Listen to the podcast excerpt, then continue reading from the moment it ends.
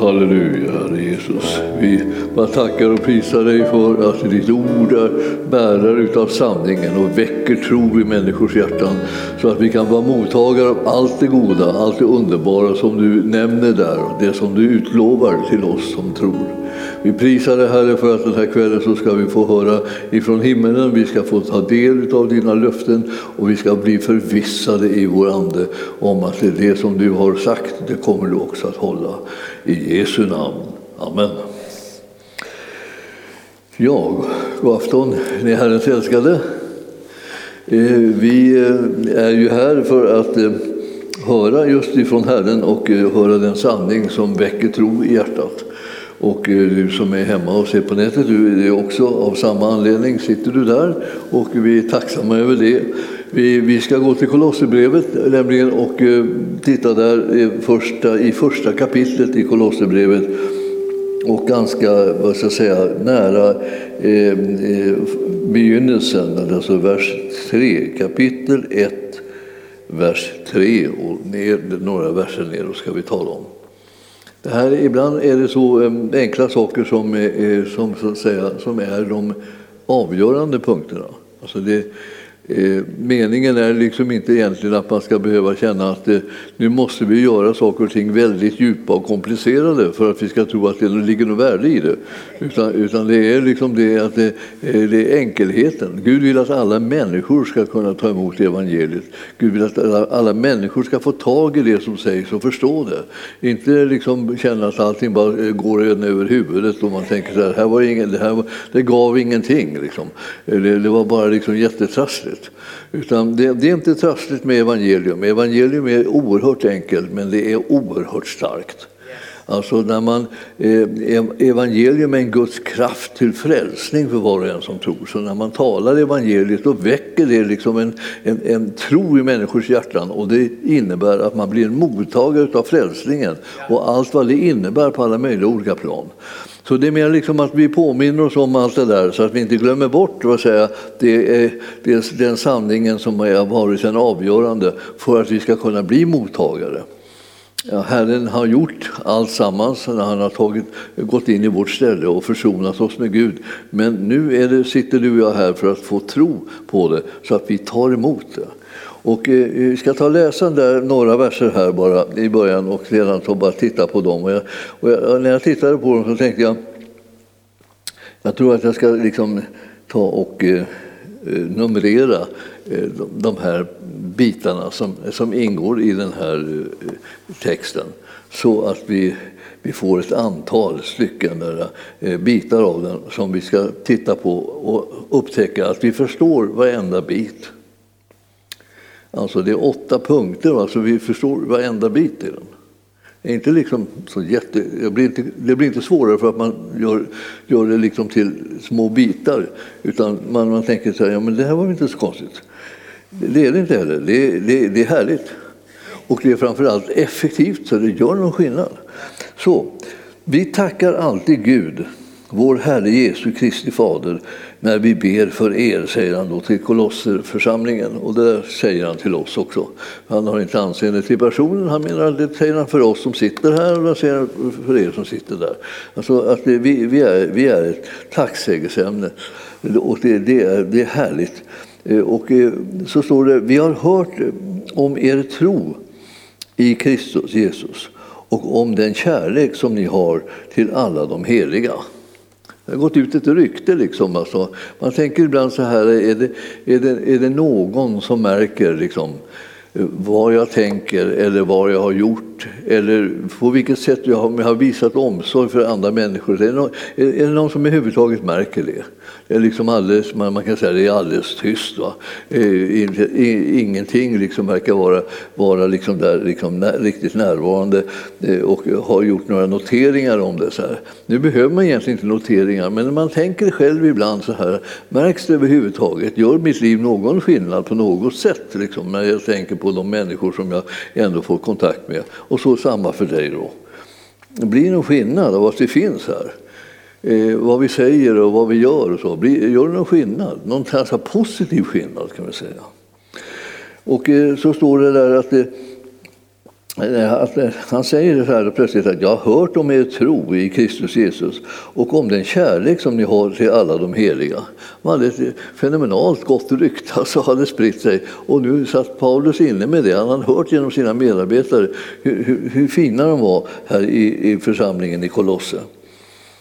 Och så står det på grund av hoppet eh, som är förvarat åt er i himlen eh, så är det så att eh, det har varit drivkraften till det här. Att ni har kunnat tänka annorlunda, att ni har kunnat göra annorlunda, att ni har kunnat tala annorlunda, att ni har kunnat fått ett utrymme för andra människor i ert liv. Därför att ni har ett hopp som är förvarat åt er i himlen.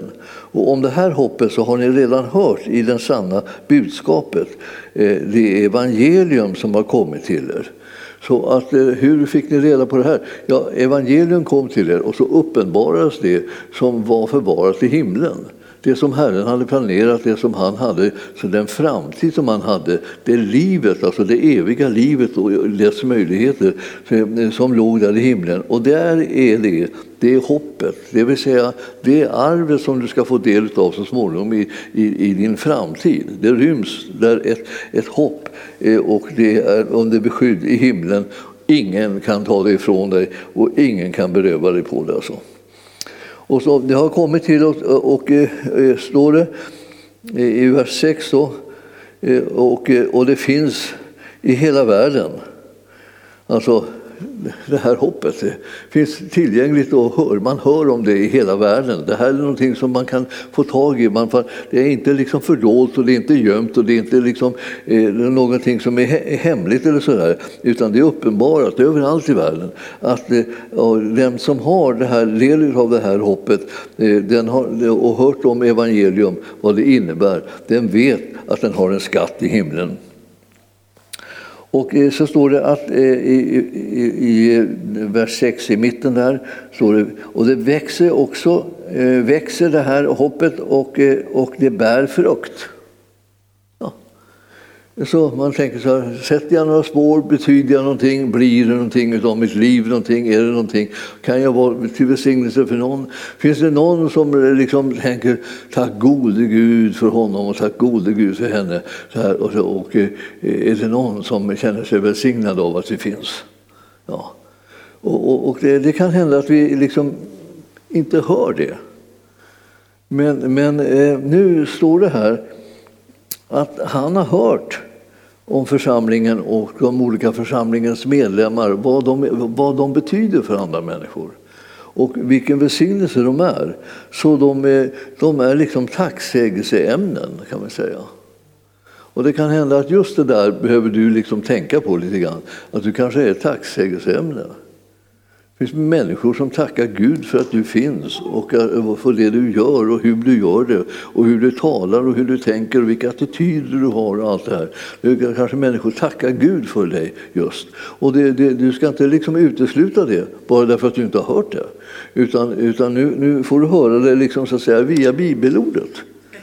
Alltså att eh, så här kan det gå för en vanlig kristen som lever i Kolosse och är alldeles nyfrälst och liksom kanske inte nästan har en bokstav rätt om vi säger så. De vet inte riktigt vad, vad det här innebär ännu så här och så är han blivit tacksägelseämnen redan. Ja, det tröstar ju oss lite grann till mans då, för vi tänker så här, ja, jag vet vad kan jag ha gjort som har blivit en tacksägelseämne? Ja, det, det, det, det behöver inte sitta och grubbla över, liksom, utan sug åt det bara. Tänk, jag, jag, är, jag är en tacksägelseämne för många människor, tack och lov. Liksom. Så, så börjar man dra åt sig det. Ja, men då tänkte jag, men jag är inte det och det och det. Och det. Du behöver inte vara något speciellt särskilt, du behöver bara vara tacksägelseämne hur du ska leva på ett sådant sätt som, där du håller liksom den här vetskapen om att det eviga hoppet, det vill säga det eviga livet, skatten som finns i himlen förvarad åt dig, det som är, du kommer bli delaktig i, det är ditt och givet till dig. När du, får, när du vet det och tror på det som Gud har utlovat i, him, i den himmelska världen, då är det som att ditt liv på jorden eh, blir på något sätt förlöst. Du, du, du, har, du har liksom, vad ska jag säga, öppningar och möjligheter att tjäna Gud och göra hans vilja. Du kan leva liksom för att välsigna andra och inte bara liksom tänka på hur ska jag bli välsignad själv. Eh, eh, det finns ju nästan ingen av oss som inte kan räkna upp liksom en hel lång lista över alla, alla behov som vi har. Eh, så vi behöver det här och vi behöver det där och det och jag har inte det här ännu och hjälp mig med det där och hjälp mig med det där. Och så liksom håller vi på och, och radar upp alla våra förväntningar och krav så att säga. Men, men det, det är inte det som är den huvudsakliga uppgiften som vi har här i världen utan det är att vara till välsignelse så att andra också blir delaktiga av det här eviga hoppets innehåll. Att vi har en skatt i himlen. Eh, och eh, det, det får alla del av som tar emot Jesus Kristus. Så det där med frälsningen är så väldigt, väldigt viktigt. Och så finns det så, det här, det, har, det, det, här står att det här budskapet, evangelium, det har kommit till er alla. Och det, och det finns i hela världen nu, spritt. spritt.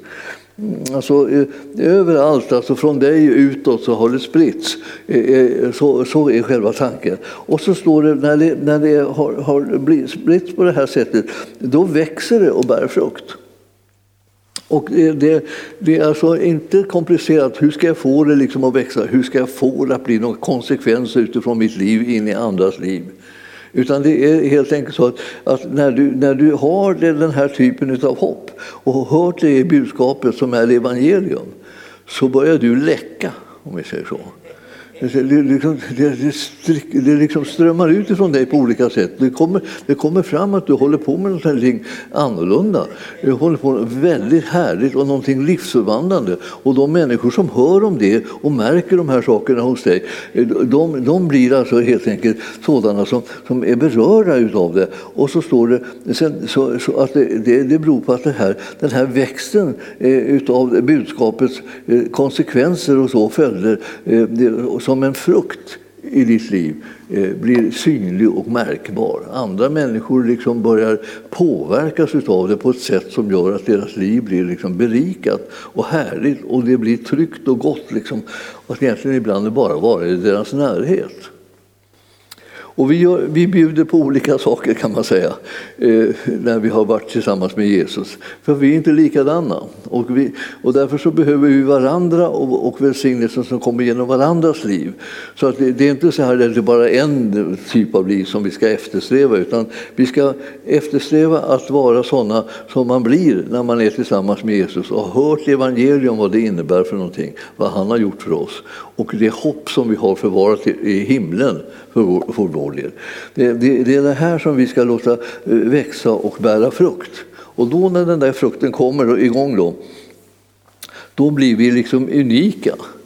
Och då betyder det inte att, att det är bara någon eller några som egentligen har möjlighet att ge någonting eller att betyda någonting eller välsigna människor med sitt liv, utan alla har det. Så det, var bara, det är bara det att man är liksom annorlunda. Det är olika områden som man välsignar i. Och sen är det i livets eh, liksom, olika åldrar så kommer man att välsigna med olika saker. Och, eh, så att eh, om man tittar tillbaka på sitt liv, vilket man tenderar att göra när man börjar komma upp i min ålder, då så tänker, tänker man så här, hur, hur, har jag varit till någon välsignelse? Eh, eller är det först nu i de sista skälvande minuterna? Ja, jag ska inte dö än, men jag tänkte att men alltså, är, det, är det nu, i, liksom ändå i slags livets liksom, sista skälvande minuter, så, så, som jag kan bli till någon välsignelse för nu vet jag mer än vad jag visste förr. Nej, men det är inte så. Jag, jag, kan, jag kan komma att ha en sån relation till Herren och en sån insikt om den skatten som han ger mig så att jag kan vara till välsignelse i alla mina åldrar. Alltså, I alla steg så att säga, kan jag vara till välsignelse. Jag kan välja det. Och en, man kan också tänka så här att ja, men om, jag, om, jag, om jag är nyligen frälst, jag, eller jag har varit frälst några år, och sen, eller om jag har varit frälst i decennier, decennier om jag har precis, i stort sett alltid varit frälst. Och så här, eh, det, är liksom, eh, det, det är verkligen som olika situationer. Kan man vara välsignad liksom, och vara till välsignelse i, i alla de situationerna? Ja, visst, det är det man kan vara. Därför att det här är inte liksom frågan om att vi bara behöver en enda sak. Man betyder olika saker för varandra i olika tider. Och man kan bli så välsignad av liksom vem som helst som håller sig till Jesus. Det är, liksom inte, det är inte så att det här, liksom, oh, de ska ha som mognad. Vem står ut med mognad hela tiden? Man måste ju få liksom, lite, lite, lite fräsch och liksom lite fart och lite, och lite, eh, och lite kul också när man följer Jesus. Ja, visst. Det finns massor med kul syskon. Om man bara stöter på dem liksom och, liksom och, inte, och inte gör dem liksom, eh, liksom missmodiga liksom eller utdömda så kommer de kunna liksom dela med sig av glädje och inspiration och, och alla möjliga eh, eh, eh fiffiga små uppslag som de har fått i sin gemenskap med Gud. Man kan, man kan känna sig riktigt välsignad och riktigt glad över det. Så det här att man växer och bär frukt, det, ja, det gör man jämt. Bara. Fast det, frukten är inte alltid densamma och man växer inte alltid på samma sätt. Det beror ju på var man befinner sig så att säga, i, i, i livet. Då.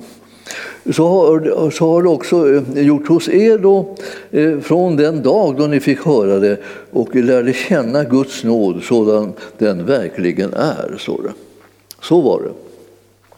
Så att man från första dagen så eh, när man har fått höra och lärt känna Guds nåd eh, genom evangelium så, så börjar det här sippra ut och bära frukt i ditt och mitt liv. så att det, då har jag då liksom numrerat de här grejerna lite grann. Då. Ska ni få lite siffror liksom, bara för att ni ska kunna liksom sortera upp det och tänka så här. Är det alla de här sakerna som är nämnda här och som utrustar, som utrustar mig och som är, som är kunskap som jag kan få utifrån de här verserna. Ja, det är, liksom, det är, det är åtta punkter. Och eh, eh de, de här punkterna, jag skrev upp de här så jag, man måste ju tänka på sig själv också, man ska hålla reda på dem. För det första, den första punkten liksom som, som, som, är, som är viktig, alltså, förutom själva tacksägelsen som, som inleder det här, liksom, alltså, han, han, han, han tackar alltid Gud, vår, vår Herre Jesus Kristus, Fader, för, för er allihopa. Det, är som, det låter som en pastors sysselsättning. Eh, När man tackar Gud för församlingen och församlingens medlemmar, församlingens ledare och församlingens, församlingens liksom, nyfödda barn och eh, församlingens eh, så att säga, jättemogna Eh, eh, mogna typer som är så mogna så att de bara sitter där liksom och har vishet som väller ut, ut ur dem. Men sen tackar man Gud för att de finns allihopa. Alla de här olika sorterna behöver man i församlingen. Alltså. Församlingen ska liksom rymma alla åldrar. Och det, och det, ska inte vara så att det, att det, det är vissa som är liksom mera, eh, mera helhjärtade, värdefulla medlemmar än andra, utan alla är viktiga och värdefulla. Och det här, då blir det en tacksägelse. Och vi har hört om er tro i Kristus Jesus. Ja, alltså tro är det första. Och det är för väl alltså, att det liksom, alltihopa startar med tro. Tro handlar alltid om att man tror på något och någon annan och något som man har hört om någon annan i en annan situation. Man tror liksom på, på det som är evangeliet. Alltså, du tror på Jesus Kristus och vi har hört om, om, om er tro, står det så här, och i Kristus Jesus. Och om den kärlek som ni har till alla de heliga. Det händer någonting som nyttigt eh, förvandling, att man börjar bli liksom eh, kärleksfull. Det vill säga man börjar eh, se på människor liksom med kärlek och barmhärtighet istället för liksom att bara vara kritisk och uppfatta deras svaga sidor och deras omognad eller vad det kan vara för någonting.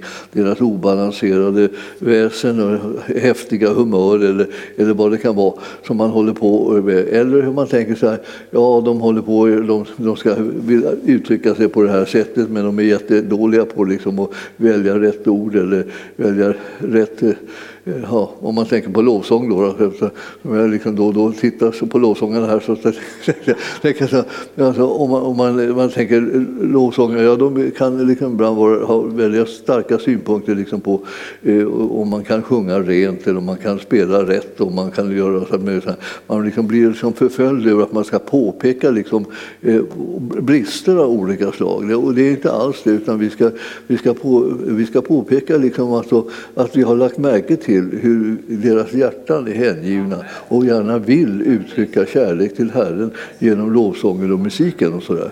och så är det egentligen med alla förvaltningsområden som vi har, att vi ska se vad, vad är det hjärtat som ligger bakom. Hur är det?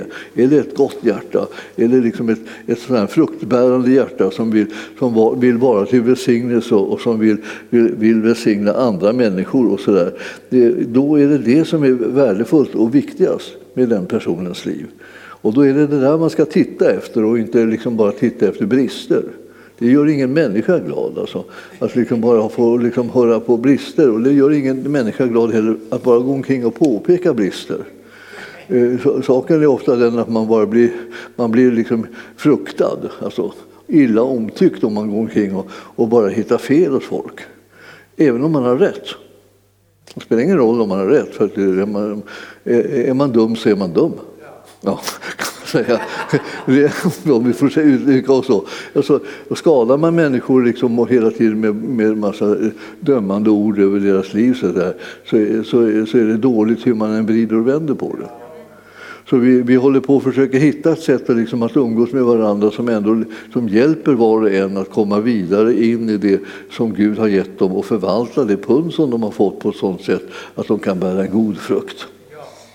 Så att, eh, det där var då liksom lite ett och två där, tro och kärlek. Och sen var det där med hoppet. Alltså, hoppet är ju någonting som du, du och jag behöver ha. Det är någonting som är väldigt eh, kämpigt och eh, vi har märkt hur folk liksom, Eh, liksom börjar tappa hoppet om lösningar, utvägar, hjälp, att den ska komma i rätt tid och sådär. Så, eh, eftersom vi är liksom i en tid liksom där sjukdom liksom är, rör sig liksom i, i, över hela världen så börjar man tappa hoppet så, så, så mår man inte bra av det. Man behöver ha ett hopp som håller liksom, för att man ska kunna leva här på jorden eh, i alla fall och, eh, och ha en, en framtid och ett hopp som det står på andra ställen. Alltså det, det står inte bara det eh, alltså, att tappa på hoppet, eller för, hoppet försvinner, eller, eller man känner att man har ingen framtid, det blir ingenting av någonting av det man hade tänkt. Alltså det är inte det man ska fokusera på, man ska fokusera på det att man tillhör den här kategorin, den här gruppen av människor som har både framtid och hopp. Och det har man när man, när man har fått del av evangelium. Man har hört evangeliet och evangeliet är att det finns liksom en skatt för dig bevarad i himmelen så, och du är kallad att komma och bli delaktig av den skatten. Och dit kommer du förr eller senare. Så när det, det, det hela slutar med liksom ett, ett jubel därför att du har, har nått fram till det som var Guds ursprungliga liksom, plan. Och den var inte beroende av om det fanns en pandemi i världen eller inte. Det, det, det var inte liksom det som Gud tänkte. Så här, så här, han hade tänkt planera massa tjusigt för dig och, och, hur du ska vara glad och hur du ska vara trygg och, och du ska så. Och så, så, och så kommer pandemin och säger, då säger Gud så här, äsch nu gick allt i stöpet, liksom. det blev det ingenting. Jag som hade planerat så mycket fint för er, tyvärr. Eh, pandemin dök, pandemin dök upp och det gjorde spoliera hela, hela framtiden för er. Men ni, ni, får förstå att vi måste liksom, vi får vika ner alltihopa och vi får tänka, banda ner och säga så här, ja, vi hade tänkt så många goda saker om er, men tyvärr blev det ingenting. Ja. Och, och sedan så, vad har vi då? Ja, vi har varken framtid eller hopp. Vi, bara helt, vi blir helt slut. Liksom, har Gud gett upp, då är det kört. Och, eh, och jag tror verkligen att det, är det värsta som kan hända oss. Och skulle Gud ge upp? Varför skulle han ge upp? Ja, det, det är obegripligt egentligen om vi tänker efter. För han har ju vunnit en, en seger. Han har trampat till och med synden, döden och djävulen under sina fötter. De är, de är, de är spolierade, deras makt är bruten. Och det betyder det att det finns räddning för dig och mig oavsett hur, vilka omständigheter som dyker upp i den här världen. För det är inte omständigheterna som har sista ordet utan Gud har sista ordet. Och han har sänt sin son och han har vunnit segern. Så därför så, när vi kopplar ihop med honom så blir, det ju liksom, då blir man ju vid gott, gott mod. Alltså. Så, ja, det var... Det var lite hopp det där. Då. Eh, mycket hopp kan vi säga också till och med. Och sen eh, punkt fyra det är det här med ordet eller budskapet som står i, i femte versen här om det här hoppet har ni redan hört, i det sanna budskapet, alltså det evangelium som har kommit till er och, och som finns i hela världen. Det här, det här är det budskapet, är det så kraftfullt att det bryter igenom olika omständigheter och fruktan och, och elände som vi som människor kan ha, ha dragit på oss. Det är som, ibland så är det som att vi har särskilda påsar som vi går och släpar på och plockar upp allt, allting som verkar oroväckande och problematiskt. Och så lägger vi det i påsen och så drar vi med oss det liksom hela genom livet. Och till slut så går man, blir det stora säckar liksom, som man gör att man kanske, kan knappt bli framkomlig. Man kan inte leva. Liksom. Man, man får stopp i hela sitt maskineri liksom, för, för, för att man samlat på fel saker. Och Herren säger att liksom, du, du ska samla på evangelium och evangeliets konsekvenser i livet så kommer du märka vilken fantastisk välsignelse det blir och vilken skillnad det gör. Alltså. Och eh, det här, eh, då, då är det så att det, det, har kommit till oss och det finns nu i hela världen. Alltså det, finns inte så, det här är ingenting som man, som man missar, så råkar man finnas i en bit av världen där man överhuvudtaget inte nås av det här budskapet. Utan budskapet når ut överallt, var helst du är. Om du lyssnar på rätt röst så kommer du höra det här budskapet om vad Jesus har gjort. Och då, då, då kommer du att eh, börja växa och bära frukt. Så du hör om Jesus så kommer ditt liv att förvandlas. Så, alltså, man kan säga, ibland säger vi bara att man vill bli Jesuslik. Ja. Och vem ska kunna göra en Jesuslik? Ja, det är inte du och jag själva. Så att vi håller på och liksom försöker spänna oss så vi nästan får sendrag liksom i hela vårt andliga liv. Utan, utan det är härlig, här han. Det är han som gör det. Han gör oss Jesuslika när vi lyssnar på hans röst och när vi tänker på de tankar som han tänker och när vi talar de orden som han talar. Då börjar vi förvandlas till Jesuslikhet. Det är tron som ska tala i vårt liv om hur vårt liv ska vara när det ska bli Jesuslikt. Och då behöver man tala om massa saker som är så fantastiska att de verkar helt otroliga. Alltså de verkar helt omöjliga helt enkelt. Och du ska börja våga prata om det. Alltså att det är ditt liv liksom, som, som en, en, en Jesu lärjunge, som ett Guds barn. Det innehåller saker som, som, som man fattar inte hur det skulle kunna vara möjligt att det skulle kunna bli på det viset. Men det beror på hans gärning att det kan bli det. Det är därför som vi liksom ett och tre så plötsligt så märker vi eh, när vi läser i bibeltexten att vi kallas för de heliga. Hur gick det till? Och han som, han som säger att vi är heliga, det är han som talar sanning. Så det går ju inte bara liksom säga nej, det var, det var, det var, det var desinformation. Så här, liksom. Det var bara fel, fel, fel, fel, fel, fel. fel. Det, det, det här är jag va? och jag har massor med brister. Och jag tror liksom att istället för att, att jag tror att det, det är sant när, när, Gud säger att jag är helig så vill jag tala om sanningen ligger i att jag är väldigt full av brister. Väldig massa svaghet och allt möjligt sånt Det har jag räknat ut. Jag har dragit slutsatser av liksom, eh, frukten som har kommit av mitt liv. Men, men Herren, Herren säger, nu, nu, nu är det inte det som är din uppgift, att hålla på och samla på, samla på gamla dåliga eh, erfarenheter och sen beskriva ditt liv efter dem. Utan din uppgift är att du ska liksom höra vad Herren säger, för han slår nämligen ner som en bomb och förändrar hela situationen. Hans ord börjar liksom bli sådana ord som gör att det blir annorlunda än bara dina erfarenheter. De kan vara hur dåliga som helst. Herren gör allting nytt. Alltså. Och om man börjar hålla med honom istället för att säga emot honom så, så börjar man bli liksom frisk. Och eh, jag skulle säga friska kristna är väldigt härligt att vara med. Sådana där som bara liksom sitter och ältar sina misslyckanden står man inte ut med. Liksom. De har man ju tillräckligt med själv om man nu skulle vilja hålla på med det. Man ska därifrån. Hur kommer man därifrån? Ja, genom att man lyssnar på Herrens röst och talar som han och gör som han och tänker på, hans, på de tankar och planer som han har för ens liv. Då, då, bryts, då bryter det ner den här muren av samlade dåliga erfarenheter och man blir, bara blir delaktig av hans planer istället och den verklighet som han håller på att skildra. Alltså, Gud han talar ju om oss ibland så att man häpnar. Och jag liksom, som ni vet så har jag talat om det många gånger. Så här, när, när jag skulle vänja mig vid att jag var rätt, en rättfärdig man istället för att jag var en syndare. Jag har vuxit upp i en tradition där man sa att man var syndare, jag var bara stackars syndare. Frälst av nåd sa jag, men det fick inte betyda någonting, alltså att jag var frälst av nåd, utan jag var fortfarande bara en gammal syndare. Och det var, det var hela saken. När jag, när jag skulle börja säga att jag var en rättfärdig man, det tog ju emot så jag nästan höll på att svimma när jag skulle säga det. Och, och, och tänkte jag så här, här gäller det att säga det här ändå, alltså, eh, fastän det tar emot. Alltså jag måste säga sanningen. Om han har rättfärdiggjort mig så betyder det att han gjorde mig rättfärdig, inte jag. Då håller jag med honom istället, för produkten av att han gjorde mig rättfärdig, det var att jag blev rättfärdig. Så var jag plötsligt rättfärdig, alltså jag är en fullkomligt rättfärdig människa. Och när jag sa det här första gången då tänkte jag nästan att, jag, att det här var sista, mitt sista yttrande i offentligheten. Liksom. Så det skulle bli någon slags upplopp och alla skulle springa efter mig med påkar ungefär sådär. För att jag vågade påstå att jag var rättfärdig när jag egentligen bara var en liten syndare som alla andra. Sådär, sådär var man, hade man i tankarna. Så jag, jag fick säga så här, lyssna på mig nu. Nu ska jag säga sanningen om mig och mitt liv. Titta på mig, till här, se här ser ni, alltså kanske för första gången i ert liv medvetet, en fullkomligt rättfärdig människa. Det är jag. Och de, man kände liksom att hakorna föll neråt. Och de bara glodde på mig. Jag är inte klok alltså.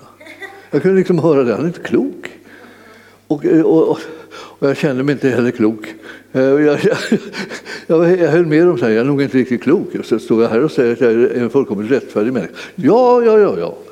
Varför, varför tror jag det? Därför att han har gjort med det. Så det, det, produkten, att jag är produkten av, av hans gärning och produkten blev en rättfärdig man. Nu finns det ju väldigt många andra också som är rättfärdiga. Så.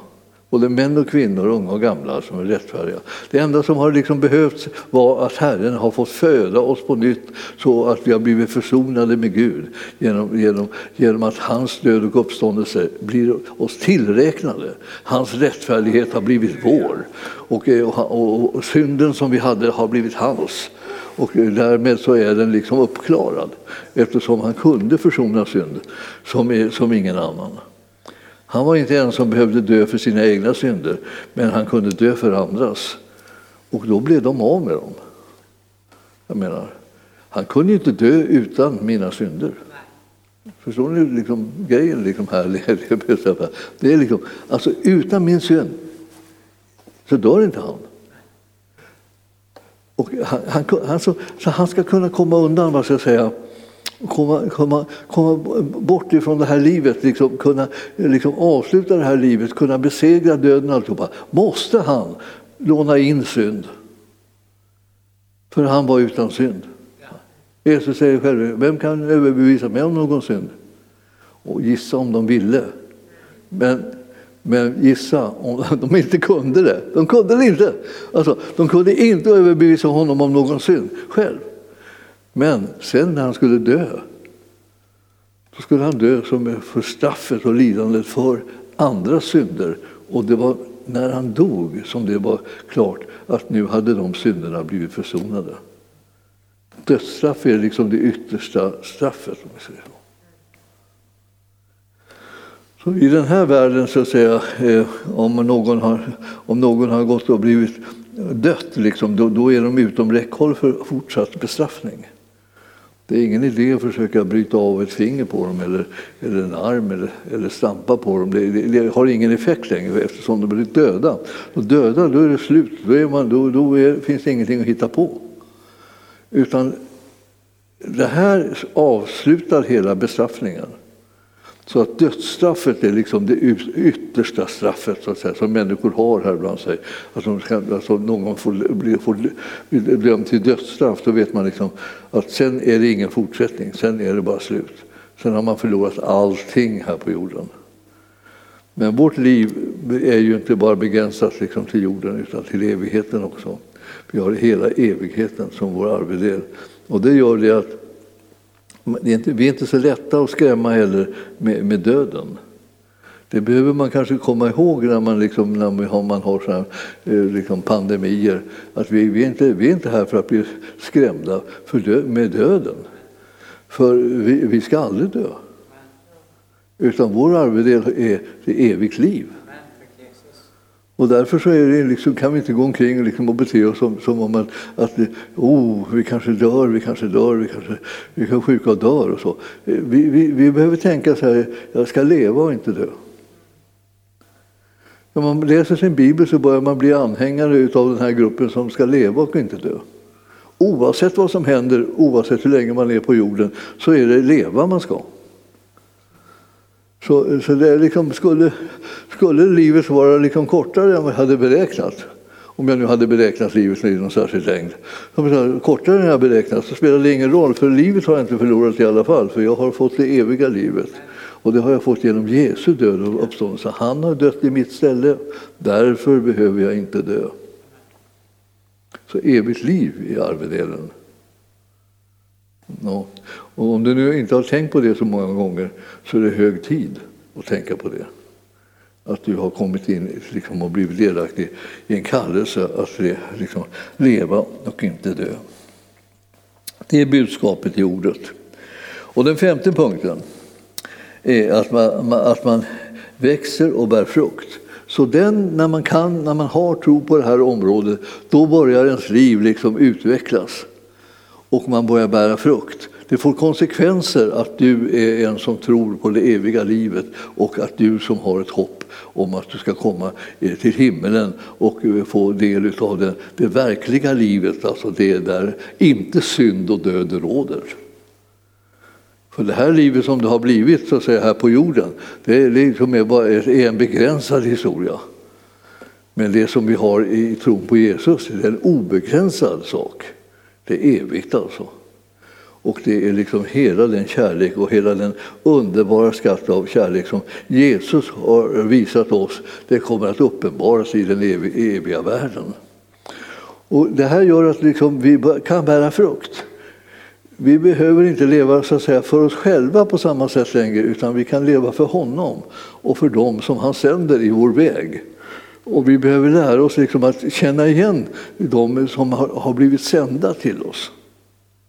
Människor som du möter på din vandring så att säga, här på jorden ska du behöva liksom känna igen när du, ska, när du ska betjäna dem och låta den frukten som kommer av att du är en evighetsvarelse låta dem känna av den frukten alltså, och känna, höra det evangelium som du sprider om att de också har blivit kallade att få evigt liv. Så vi, har liksom, vi är kallade att ha ögon som ser varandra och eh, de, våra medmänniskor på vägen. Gud vill att alla människor ska bli frälsta. Så det är inte liksom bara att man ska försöka leta, leta efter någon värdig. Va? Det finns ingen värdig. Men det finns, allihopa är de älskade av Herren. Han kom för att de skulle bli frälsta. Inte kom han för att kritisera dem eller döma dem eller förkasta dem. Eller så. Han kom för att älska dem så att de vågade ta emot den underbara gåvan av evigt liv. Ja, jag ska försöka avsluta det här nu då, för att det, det var ju många punkter här egentligen. Eh, sex, punkt sex. det, det, där står det så här. Eh, alltså, så har han också hos er från den dag ni fick höra det och lära känna Guds nåd sådan den verkligen är. Det var, liksom det, det, det, var, det var de sista punkterna. För det första att det behövs det att vi hör det och lär känna det som är Herrens gärning.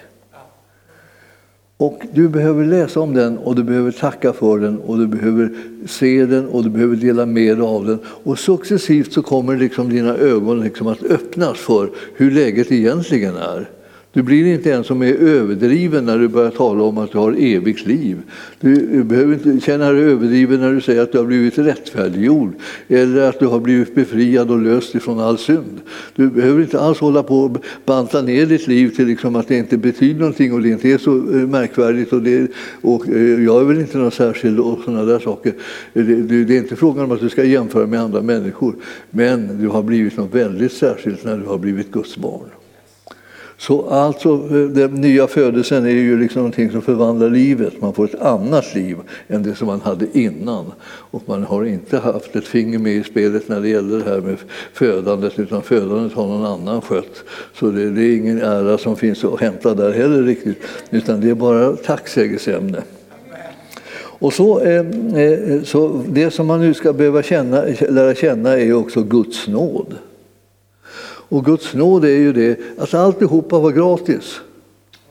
Att han försöker få eh, mänskligheten att ta emot en gratis erbjudande. Och det har varit bland det, bland det svåraste som, har, som, som, man har gett sig i kast med. kan man inte fatta egentligen. Vad, säga, vad är det med oss? Men vi, vi hellre liksom, eh, liksom att det ska vara ett pris och en kostnad och liksom en prestation för att vi ska liksom känna oss trygga i det. Men att det skulle bara vara så här gratis. Det är nästan som att kan, kan det vara något värt det som är gratis? Va?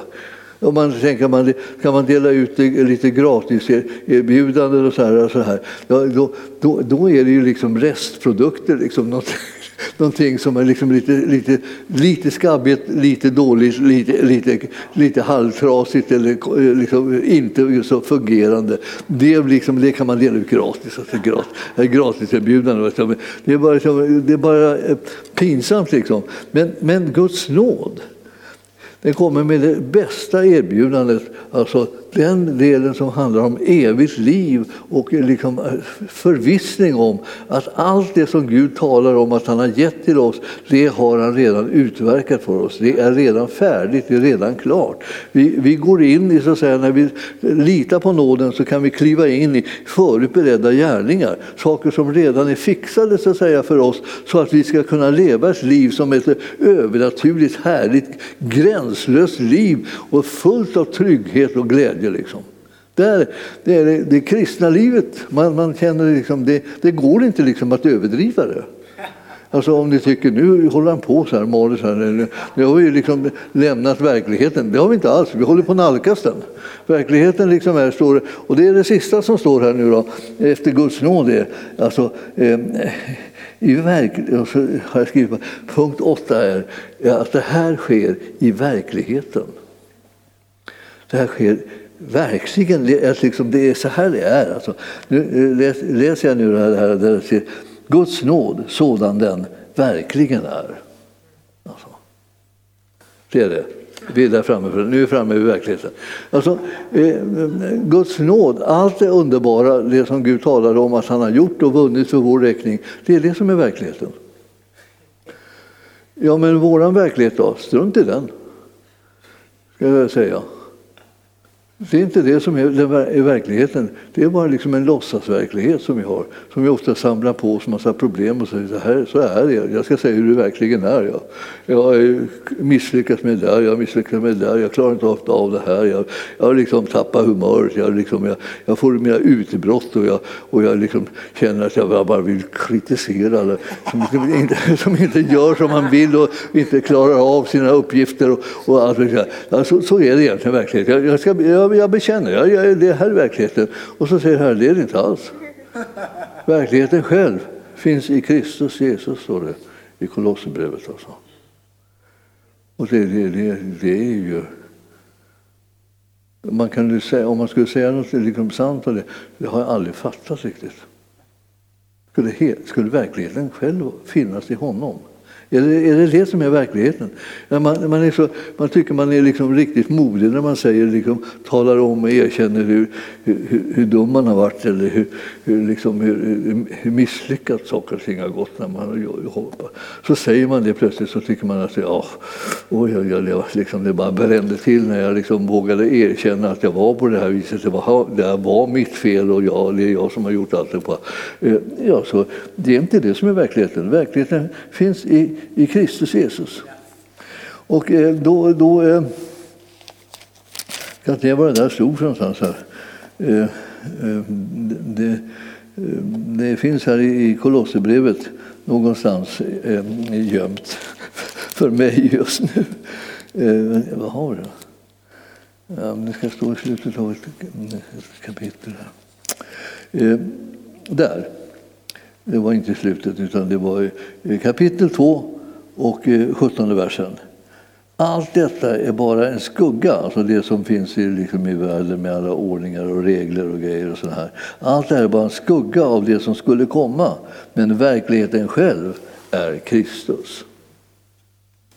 Det är därför som det blir så här, alltså nästan som överdrivet alltihopa. Därför att verkligheten är Kristus. Om vi inte känner honom, om vi inte har kommit så nära honom och liksom, om vi inte har berört hans liv, så att säga, då känns det som att det här, det här kan inte vara sant. Det, det är, är och förblir för bra. Ingen, ingen kommer att tro en. Men det första eh, eh, uppdraget är, tro det själv.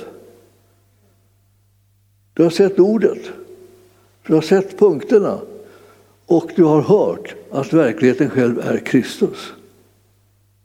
Då är det det som är. Du ska jämföra dina inform din information från din eget skalle och dina erfarenheter och alltihopa. Och så jämför du det med det som Kristus säger. Vilket är rätt? Det som han säger är det som är rätt och sant. Och om du börjar tro på det kommer du bli en befriad människa när du lever så att säga, här på jorden i, i den utsträckning som du tar det till det. Du, du liksom sätter inte igång bara stöter bort det och tänker det är ingen, ingen överdrift, jag vill inte ha några överdrifter. Så alltså, han är ingen överdrift, han är sanningen. Han säger liksom, du, du litar på honom och Jesus, han är ju liksom sanningen. Han säger, jag är vägen, sanningen och livet. Ja, det betyder det, säger han någonting kläcker han ur sig sanningen. Och, och då, då, är det det som är sant. Och säger någonting om dig och dig och dig och dig och mig och alltihopa, då är det det som är sant som han säger. Och eh, han säger liksom att det här är, är sanningen, att vi har blivit sådana som har ett evighetshopp och vi har fått ett evigt liv och vi har blivit försonade med Gud och vi har blivit älskade och rättfärdiggjorda, förlåtna och upprättade och, och, vi har blivit födda på nytt och vi, vi är inte längre liksom i den här världens klor utan vi tillhör Jesus. Ja. Och ju mer du liksom tänker på att så är det, det var det som var sanningen. Eller hur Jesus? Säger vi då så här. Självklart, säger han. Det är det som är sanningen. Det är sanningen. Alltså, härligt alltså. Jag menar, tror inte ni att man, om man skulle höra evangelium, om man skulle få höra en snutt av evangelium, om det bara var liksom ett uns av evangelium, att man faktiskt skulle bli glad av det? Inte bli eh, deppa ihop och, liksom, och skrumpna ihop eller springa och gömma sig någonstans. Liksom. Titta inte på mig, titta inte på mig. Och man hoppas att han ska titta på någon annan för att man, man tror bara att han tittar bara med dömande ögon. Han säger åh, alla dina brister.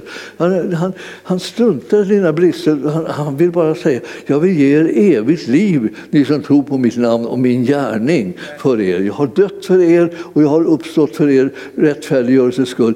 Jag vill inte att ni ska hålla på och älta era, era synder som jag redan har, har, har dött för oss. vad är det för någonting? Det är bara liksom oförskämt. Ja. Att älta synden, liksom, det, det är förbi. Synden är förlåten. Bekänn synd så får du förlåtelse. Det är inte liksom att oh, jag bekänner synd, så, jag bekänner synd, jag river mitt hår, jag, jag river ut skägget, jag, jag, jag, jag, jag nyper mig själv för att jag varit dum. Ni förstår, det här är bara, det är bara skamligt. va? Du ska tro på vad han har gjort för dig. Det är det. Så får du ta emot den gärningen som redan är fullbordad. Han har fullbordat din befrielse. Och den är tillgänglig för dig och den tas emot genom tron.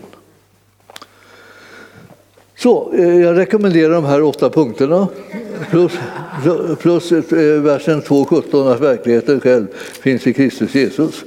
Eh, det kommer göra dig riktigt glad och det kommer att göra dig riktigt fri och du kommer att kunna leva ett annat liv här på jorden bara därför att du har ett, ett liv som är mycket, mycket bättre och starkare och härligare i himlen.